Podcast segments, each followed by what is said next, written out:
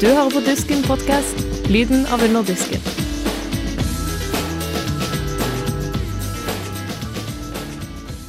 Hei, hei, hei, hei, og velkommen til Dusken podkast, studentavisas helt egen podkast. Mitt navn er Jan Ivar Kjølseth, og med meg i studio så har jeg Benedikt Javorovic. Hei sann. Hallo, hallo. Eh, semesterets tredje under rusken er nå å finne rundt på forskjellige campus og andre steder i eh, Trondheim. Og hva skal vi snakke om i denne episoden, Benedikt? Yes, eh, vi skal snakke om organ organdonasjon. Um, vi har med oss um, Stian, som har eh, fått eh, hjertetransplantasjon. Eh, du kan lese om han i siste utgave av Under husken. Så har vi også med oss eh, medisinstudent eh, Knut Lien, som skal snakke litt mer om det etiske og praktiske rundt det. Eh, ikke bare i Norge, men også litt rundt omkring i verden. Ja, Det blir veldig spennende å, høre litt mer om. I tillegg skal vi også snakke litt med lederen av Leviathan, Leviatan, Christian Dahl Nilsen, om hva som kjennetegner et godt debattklima. God fornøyelse. Organdonasjon er et tema som eh, veldig mange bryr seg om. og I nyeste utgaven av Under dusken kan du lese et uh, intervju med Stian Gullaksen, uh, som har erfaring med temaet. Hallo, Stian. Hei, hei. Uh, Når vi står her nå, så er det altså en opprinnelig en annen person sitt hjerte som står og banker i brystet ditt. Det stemmer. Først vil jeg spørre om, Vet du noe om personen som du har fått av? Her i Norge så får ikke du vite noe annet enn på en måte det biologiske som må matche. da. Mm. Så jeg vet jo at personen hadde samme blodtypen som meg, f.eks. Men uh, utover det så vet ikke jeg noe. Mm. Og det er, sånn, eh, det er ikke noe kontakt mellom familiene? Det, Nei, det er taushetsplikt eh, over hele linja. er det. Og det er jo, går litt på respekten for dem som har mista noen og, mm, og sånne ting. da. absolutt. Eh, Det hele starta da du var 15 år og var på vei hjem fra skolen. Kan du beskrive litt hva som skjedde? Ja, jeg var 15 år og begynte å få litt sånn eh, forkjølelsessymptomer. ikke sant? Hoste og eh, litt feber og sånne ting. Eh, alltid hatt oppoverbakke til skolen. Det jo, ble liksom tyngre og tyngre for hver dag jeg gikk til skolen. Og det syns jeg var litt merkelig, for det hadde jeg aldri opplevd når jeg var sjuk før. Ja. Så kom det jo en dag der jeg skulle legge meg også. La meg ned i senga og fikk ikke pust hvis jeg la meg ned. Jeg måtte sitte. Og da skjønte vi at nå er det noe alvorlig galt. Så da, da kjørte vi ned på legevakta, og så ja, utførte de eh, testene sine der. Og fant en god del væske da, som lå pressa på lungene. Og um, Du fikk ikke et nytt hjerte med en gang? Um, skal si, det jeg husker, er at jeg drar på legevakta, uh, og så forsvinner jeg, egentlig. Uh, da våkner jeg i Oslo fire dager etterpå. Uh, og da har de operert inn en hjertepumpe. Har de. Eh, fordi kroppen min var ikke sterk nok til å Eller det blir en sånn mellom, eh, mellomperiode, da. Blir det. Eh, fram til en transplantasjon. Mm.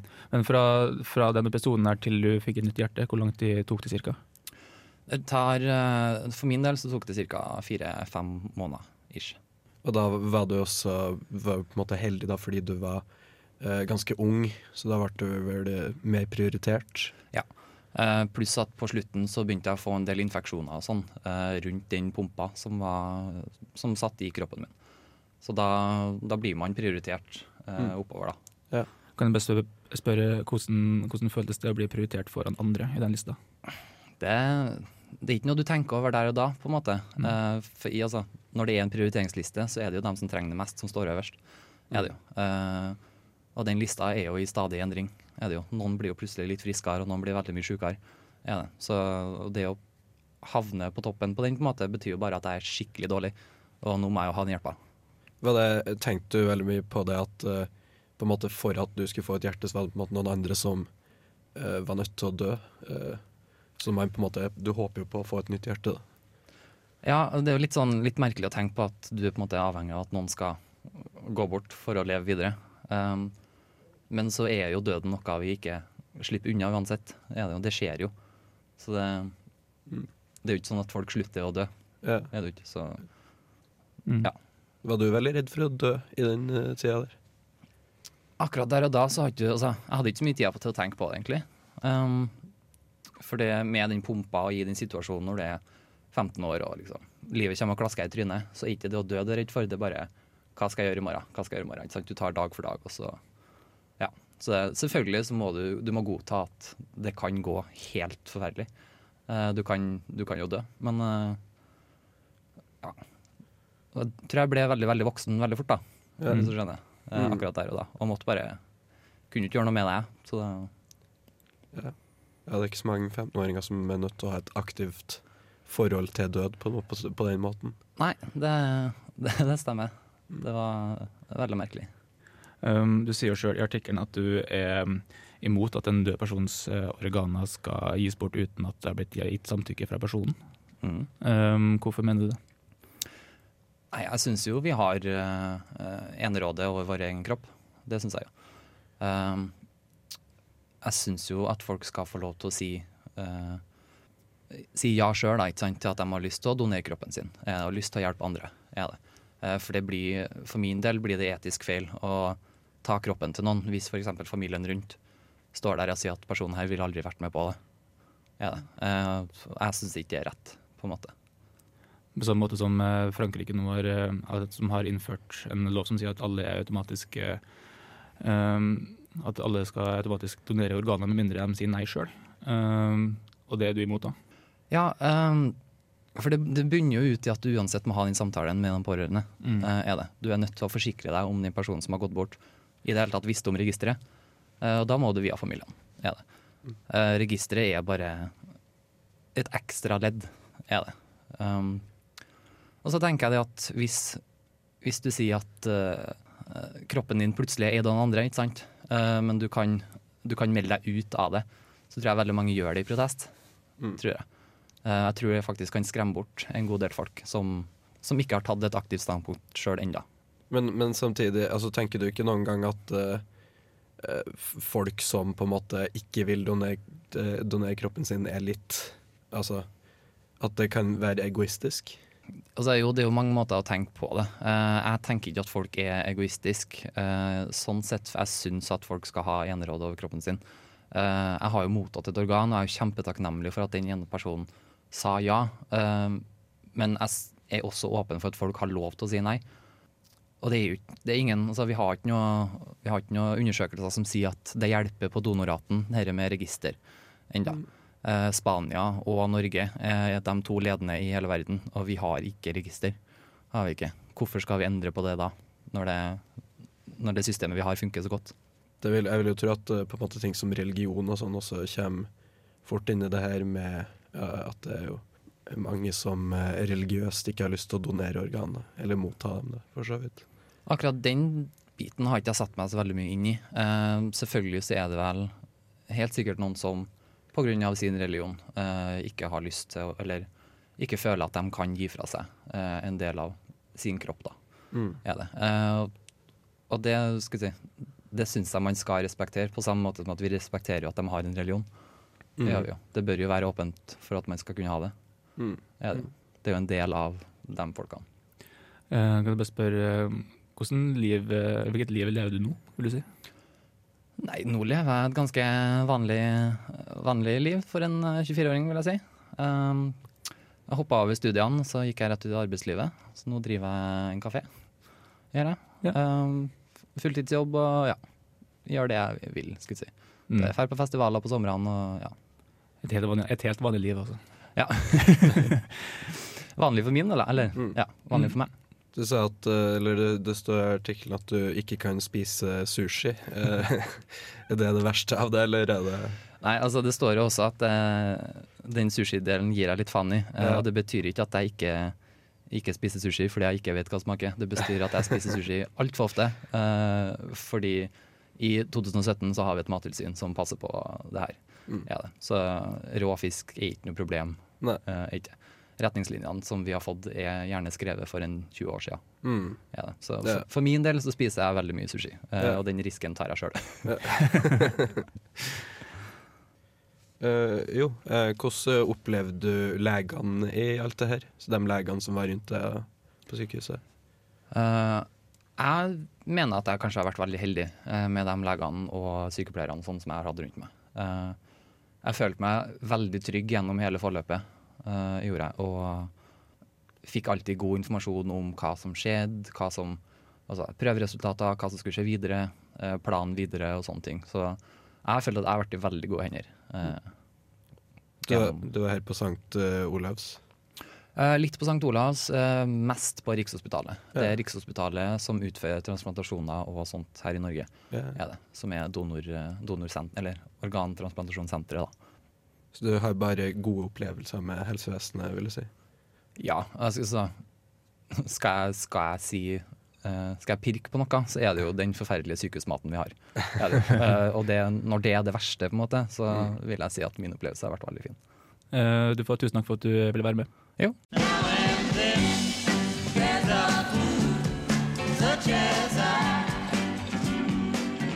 Ja, for å få et litt eh, annet perspektiv eh, på det her med organdonasjon, så har vi med Knut Lien, som er femteårs medisinstudent på NTNU. Hei sann, Knut. Hei sånn? Hei, hei. Um, ja, det er jo eh, veldig mange ulike hva skal man si, um, holdninger til organdonasjon rundt omkring i verden. Eh, som det ble snakka om tidligere, i Norge så har vi ikke et eh, ja- eller nei-register. Eh, vi har du, er- nødt til å ha den muntlige samtalen med familiemedlemmer om at du har lyst til å donere organene dine. Hvordan funker det ellers rundt omkring i verden? Det varierer ganske mye, men f.eks. i Frankrike så opererer de med et universalt register der man må aktivt motsette seg å skulle donere organer, heller enn at det er en frivillig ordning der man melder fra til pårørende. Ja. Så med en gang du er født, skal jeg si, så står du på det registeret her, og frem til du er meldt av, skal jeg si, som eh, med døping og statskirka før i, før i tida. Mm.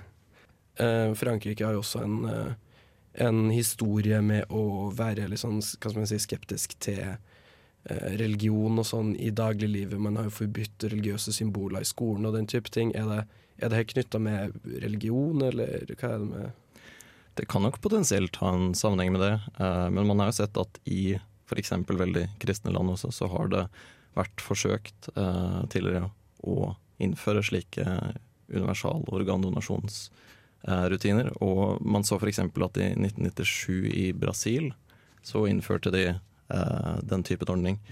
Og det førte veldig raskt til stor motsetning fra folkeopinionen, og gjorde at mange fikk et veldig negativt syn på organdonasjon som helhet.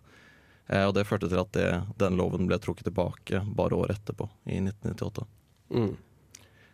For målet her er jo uansett at eh, man skal få så mange organer som mulig. Eh, er det resultatet? Vet man om det? Man har sett på det. Eh, akkurat i eh, Frankrike så har det ført eh, til en redusert andre pasienter som er på venteliste. Og det har man sett også i mange andre land som praktiserer som praktiserer universal donasjon. F.eks. praktiseres dette også i Finland, og der har det også ført til en redusert, reduserte ventelister, så vidt jeg vet. Vet vi, vet vi Du snakka om eh, Brasil, så var det stor eh, motstand mot denne type politikk. Eh, vet vi noe om hvordan folks reaksjoner har vært i Finland og i, i Frankrike? eh, det kjenner jeg ikke noe særlig til, egentlig, dessverre. Mm. Men uh, man kan jo forvente at det er i hvert fall mer, definitivt mer sekulære land, uh, både Finland og Frankrike. Mm. Ellers så finnes det jo også regler for hvem som kan donere organer til hvem, er det ikke sånn? Eh, tja, eh, i utgangspunktet så finnes det ikke noen eh, aldersrestriksjoner, ettersom alle aldersgrupper potensielt vil kunne trenge organdonasjon. Eh, det finnes litt føringer f.eks. på hva slags eh, sykdomstilstander du kan ha for å fortsatt kunne gi. Eh, I noen tilfeller så vil det være problematisk med ulike infeksjonssykdommer, kreftsykdommer. Eh, men det er ikke noe universalt for alle typer pasienter og alle typer transplantasjoner. Men kan uh, hvem som helst eh, donere hvilket som helst organ til hvem, gitt at det er, gitt at det er friske organer, da?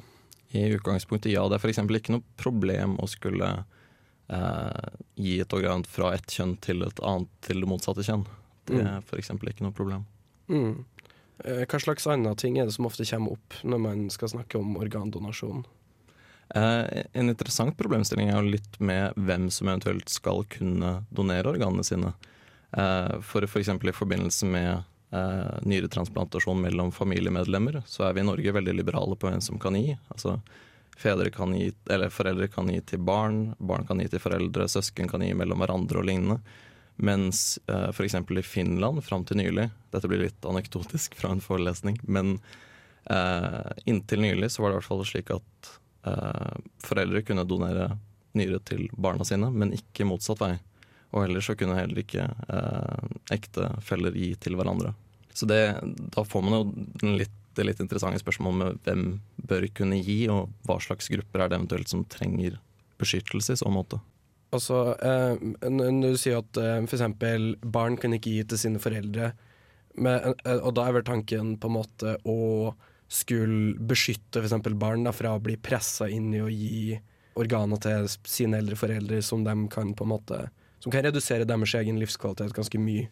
Mm, absolutt. Jeg tenker at Der er nok retten til selvbestemmelse helt sentral, og man regner kanskje den sammenhengen med at barn ikke nødvendigvis vil kunne f.eks. Uh, tørre å si nei til foreldrene sine. Ganske god guilt trip. Og på en måte ja, skal, du, skal, du, la meg dø, eller gi meg nyra di, liksom? og så er jo spørsmålet også kanskje om barn har tilstrekkelig evne til å sette seg inn i hva det vil innebære å skulle gi en nyre, f.eks. Mm. Og så sa du også at det er problematisk når det er ekteskap eh, noen sted. Eh, og da er det vel er det for, å beskytte folk fra eventuelt å gi bort ja, nyrer, og så plutselig skiller man seg litt etterpå, og så sitter du der med skjegget i postkassa.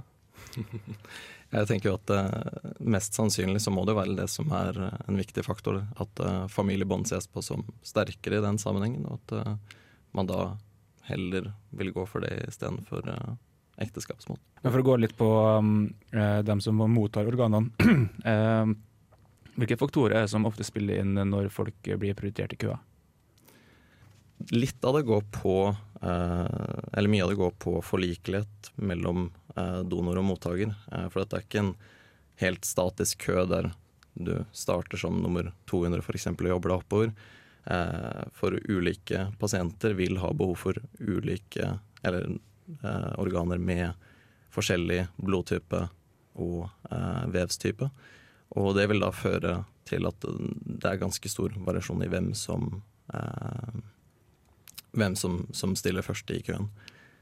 Alder også, spiller, ikke det en liten rolle? Alder spiller også en rolle. Det spiller særlig stor rolle i forbindelse med barn, ettersom man da har også en fysisk begrensning på, på hvor store organer eventuelt kan være. I framtida så ser jeg for meg at det kommer til å være mer organer som er erstatta av uh, Hva skal man si Altså uh, digit, eller ja, mekaniske organer og den type ting. Mm kommer det til etter hvert bli mindre behov for, for eh, organiske kroppsdeler? Mest sannsynlig ikke, vil jeg tro. Uh, og uansett vil jeg tro at det er langt frem i tid. Da for, for i forbindelse med Som et alternativ til hjertetransplantasjon så har man prøvd ulike mekaniske hjelpemidler der du rett og slett setter inn pumpesystemer som hjelper hjertet. Det skal ikke erstatte det fullstendig, men det skal hjelpe litt ekstra med å bedre pumpeaktiviteten, f.eks. Eh, og det har vist, vist, en viss effekt, men jeg tror ikke så langt i hvert fall at det er tilstrekkelig sett i forhold til hjertetransplantasjon. Ja, Så det er fortsatt viktig at folk eh, eh, faktisk gjør det her, da, og donerer organene sine. Mm, absolutt. Eh, jeg kan spørre til, til, slutt, da. Dere her i studio, har dere eh, skulle si, sagt ifra til familiemedlemmer at dere vil eh, donere organer? Jeg har det. Um, jeg, veldig, jeg, tror faktisk at jeg ikke har sagt det, og det er utrolig dårlig med. Uh, for det er faktisk en del folk i familien min som har donert organer. Um, så det skal jeg i hvert fall sørge for å få helt klinkende klart med min far etter vi blir ferdig her i studio. i hvert fall. Ja. Han skal få en liten telefon fra meg. men, hva med du, Benedikt? Jeg sa ifra til mora mi en gang, tror jeg, men hun var litt sånn ja, jeg, håper nå at du ikke dør før meg uansett, så Ja, vi får se. Så ja, vi får se. yes, tusen takk eh, for at du kunne komme, Knut. Tusen takk for at jeg kunne være med.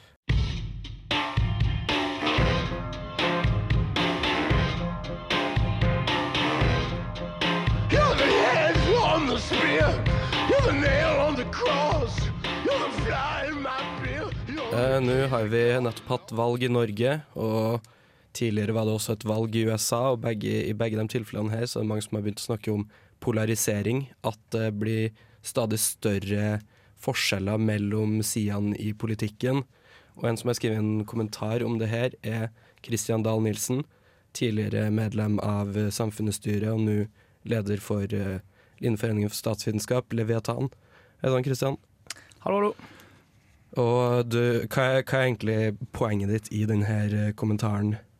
Eh, jo, poenget mitt er det at eh, man burde forstå at alle mennesker føler de tar det gode valget. Um, og det kommer veldig mye godt av å sette seg inn i, i hvert fall prøve da, å sette seg inn i motstanderens argumenter i god tro. Uh, fordi når man gir dette et ærlig forsøk, så forstår man at det finnes flere sider av samme sak, og at alle har bekymringer uh, som det er verdt å ta hensyn til. Eh, så kan man selvsagt diskutere eh, hvor mye man skal ta hensyn til de ulike eh, bekymringene og perspektivene. Men det er på en måte først der da, den gode debatten begynner, når man liksom har de tingene her i mente. Um, hva, har du noen eksempel altså, som du tenker er uh, på en måte illustrerer det her? da, At uh, folk ikke uh, tar Tror det beste, da. Hva skal man si, tar, antar beste intensjoner av sine motstandere? Eh, ja, absolutt. Dagen etter eh, valget nå på tirsdag så leste jeg et eksempel på det her i Aftenposten, eller som jeg føler illustrerer det. Dette er skrevet av Jostein Sand Nilsen, og jeg siterer. Dette burde være selvinnlysende. At man velger parti ut ifra de beste argumentene. Ut ifra hva som gjør verden til et bedre sted for så mange som mulig. Ut ifra vår felles lykke. Og likevel fortsetter vi med blå-blå. Sitat slutt. Bra argumentering. Um, du snakker også om universitetene i USA mm. Eh, i debattinnlegget hvor du nevner bl.a. at du har, eh, du har venner sjøl. Mm. Um, og du bruker USA, universitetene i USA som et eksempel på noe som vi ikke skal bli. Mm. Um, hva tenker du på da? Nei, altså det Jeg tenker på er, jeg var selv på utveksling i USA eh, på videregående og prater jo jevnlig med de jeg er kjent med der. og de forteller at etter, altså helt, fra nesten dagen etter valget i USA i høst, så ble det liksom ganske muggen stemning da, på campus. Eh, det er på en måte ikke lenger slik at folk diskuterer så mye eh, med liksom eh, folk de er uenige med. At det er liksom sånn ganske kald front da, ja. på campus. Opplever du det her i Norge? nei, ikke egentlig. Nei, ikke det hele tatt. Altså du skal på en måte, For å finne det i Norge, da, så må du liksom til veldig sånn politiserte miljøer. på en måte. Da må du liksom rett inn i liksom, ja, en valgvake eller et eller annet for å finne tilsvarende. Altså Vil du si at det her er en ting som er skulle du si, likt på begge sider av politikken? Ja, absolutt. Du finner eksempler av dette på alle sider. Altså, poenget er at alle syn kan altså, det, er bare så lenge du glemmer det at motstanderen som regel er i god tro, da kan det oppstå. Det kan oppstå med hvem som helst. Og eh, du finner jo tilsvarende på høyresiden også. Du finner jo um, alle slags teorier om at Arbeiderpartiet importerer muslimer for å få velgere osv. så Mm. Uh, og det er jo like liksom, feilaktig, det. Men, men, vil du ikke si at det er kanskje et steg over i, altså litt mer ekstremt enn det du sa først, da, som er på en måte bare at vi får et kaldere samfunn. Det har jo på en måte vært en del av Arbeiderpartiet sin valgkamp på mange måter. Mm, jo, absolutt. altså, på en måte, retorikken kan jo uh, Man kan si at det er mer ekstremt, men det, blir, det, bygger på det samme. da. Det er poenget mitt. Det er liksom ikke så forskjell på om det er den ene eller andre siden. Det, poenget er at det bygger på et feil premiss. Og det premisset er at motstanderen ikke lenger ikke ønsker ditt beste, eller det felles beste. da. Ja, men, men, det er jo på en måte altså Sånn som det første innlegget du sa, mm. det er jo på mange måter bare en Altså, jeg ser på det litt som også et uttrykk for på en måte den debatten vi alltid har hatt. Altså, mm um, rød-grønne sier at uh, høyresida skaper et kaldere samfunn, et samfunn som er mer pengeinteressert, mens mm. uh, høyresida sier at uh, de rød-grønne er naive, og at man fører en uansvarlig politikk, som mm. regel, for, for, å ta det ja. veldig Men er, er, det her noe mer Er det her mer ekstremt enn det det har vært før, på en måte? Mm, altså, det, bygger jo videre på det. fordi Hva er det som på en måte, kommer i kjølvannet av en naiv politikk? Jo, at man eh, observerer ikke og gjenkjenner ikke farer der de er. Så på en måte, kan, Man kan argumentere for at begge sider ønsker å verne så mange som mulig eh, mot en potensiell kaldere fremtid. Da. Så det er mm. liksom mm. Ja, ja, men jeg bare lurte på altså, er det, Men vil du si at debatten altså, sånn sett, debatten har eskalert? da? At den er mm, verre nå enn den har vært før? Ja, Det kan godt hende. Um, det, vil jeg, det jeg fall vil definere som verre, det er at den blir mer um, ideologisk. At den på en måte blir mer uh, At det blir uh, større ekkokamre. Det er det jeg vil kalle verre. Fordi man kan, det er veldig bra å være uenig. Man skal absolutt være det. Så Mm. lenge man på en måte um, skjønner Så lenge man kan ta hverandre i hånda etterpå og liksom skjønne at du vil ikke vondt mot meg. Ja. et poeng i, du tar opp i debatten, eller i kommentaren din, er jo det her med at, eh, at alt bør eh, diskuteres. Så, Mm. ikke sant? At, eh, eh, men går det uansett? Altså bør på en måte Det, det har jo vært snakk om at man bør eh, debattere nazister på Litteraturhuset. Altså bør alle sider av eh, politikken få si, Mm. offentlighetens rett?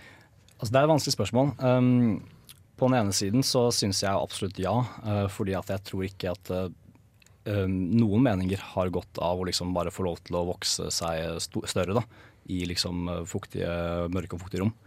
Um, på den andre siden så jeg tror på en måte Si at man hadde hatt det, da, hvis man hadde invitert liksom Nordfront eller tilsvarende på Litteraturhuset, så hadde det jo blitt motsagt så det suste. Så det er sånn jeg ser ikke helt faren med å gi noen en talerstol uh, fordi at liksom det vil være altså jeg, jeg, ser, jeg, jo, altså jeg ser faren med det, på en måte, men liksom, jeg tror ikke det er noe man nødvendigvis må unngå. Fordi at uh, når måte noen som er helt far out, uh, sier det de mener, så vil de fleste oppegående mennesker forstå det.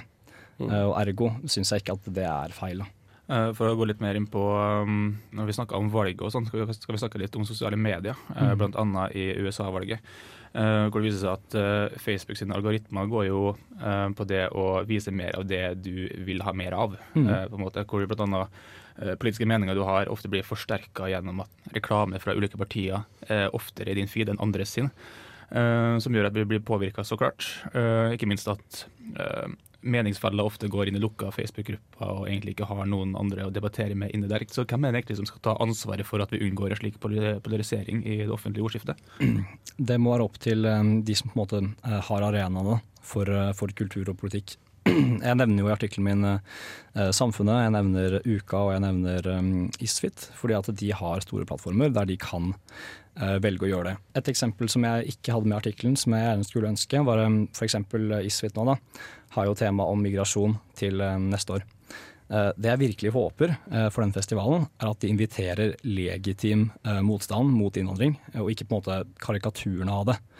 Altså Alle har sett liksom skinheads og liksom alt det der, men det er ingen som tar dem seriøst. Bortsett fra sånn et par 20 karer. Det som har vært kjempekult, var om de på en måte inviterte folk som er dyktige debattanter, eh, som er skeptiske til f.eks. innvandring. Um, og selvfølgelig også deres motstandere, som er minst like dyktige, som kan motsi dem også. Men det, det er poenget mitt. da. Du, du, du sier at eh, du vil at han skal invitere legitime motstandere av eh, innvandring. Hvem er det du tenker på som legitime i den forstand? Et eksempel kunne f.eks. vært um, Douglas Murray. Uh, han er en britisk journalist, ganske konservativ. Men han har nylig skrevet en uh, ganske stor og omfattende bok da, uh, om hele konseptet med innvandring og på en måte alle faktorer som er med i spill der. Um, han inviteres ofte på britisk radio, på TV, på alt mulig. Mm. Han forholder seg veldig høflig og ordentlig til sine meningsmotstandere, og kunne absolutt vært uh, en aktuell kandidat for å se på og invitere til, Mm. Det er også mange som vil kanskje kalle han eh, ganske ekstrem også, da. Og Mm. spesielt kanskje dem som er Altså blant dem som er eh, Isfit tradisjonelle støttespillere, da. Uh, han er ikke Dalai Lama, akkurat. på. Absolutt, og det er det som er utfordringen. Det er mer at man har valgt et såpass um, kontroversielt og viktig, ikke minst for så mange av begge sider på, en måte, skalaen, tema for Isfit, så burde man på en måte gjøre det den uh, Do them the service of liksom behandle det riktig, da. på en måte. Og ikke liksom ha en sånn skinndebatt der liksom man går i fakkeltog og alle mener de riktige tingene og klapper seg på skulderen, liksom. Det tror jeg ikke fører til noe annet enn større ekkokamre. Men eh, altså, hvordan vil du si at det her er med studenter i forhold til resten av befolkningen? For nå nevner du jo på en måte Isfit og Uka i artikkelen din, men det her er jo veldig spesifikt studentrelaterte ting. Absolutt. Nei, altså, det er klart at Vi er heldige som studenter som har uh, lett tilgang på slike arrangementer. Uh, noe den øvrige befolkningen kanskje ikke har like god tilgang til. Um, og det blir jo på en måte Hvis ansvaret på studentnivå faller på Isfit-uka-samfunnet, så vil det jo da på voksennivå i anførselstegn falle på Aftenposten og mediene. på en måte. Men eh, det er jo på en måte ingen hemmelighet eh, at generelt så er studenter mer på venstresida enn eh, resten av eh, befolkningen? Altså, syns du det gjør at det er vanskelig å ha sånne gode debatter i studentmiljøet? Eh, Egentlig ikke. Eh, fordi at eh, jeg opplever det slik at eh, studenter er veldig interessert i å høre andre syn Altså studenter flest er interessert i å høre andre synspunkt, og har på en måte ikke eh, Mange forestillinger har ikke liksom satt seg, da. Som liksom, de har ikke sementert seg fast i hjernen på studenter. mens de kanskje har det på voksne, som liksom nekter å se en annen side av en sak. Da. Flott. Um, tusen takk for at du ble med. Nei, takk for det inviterte.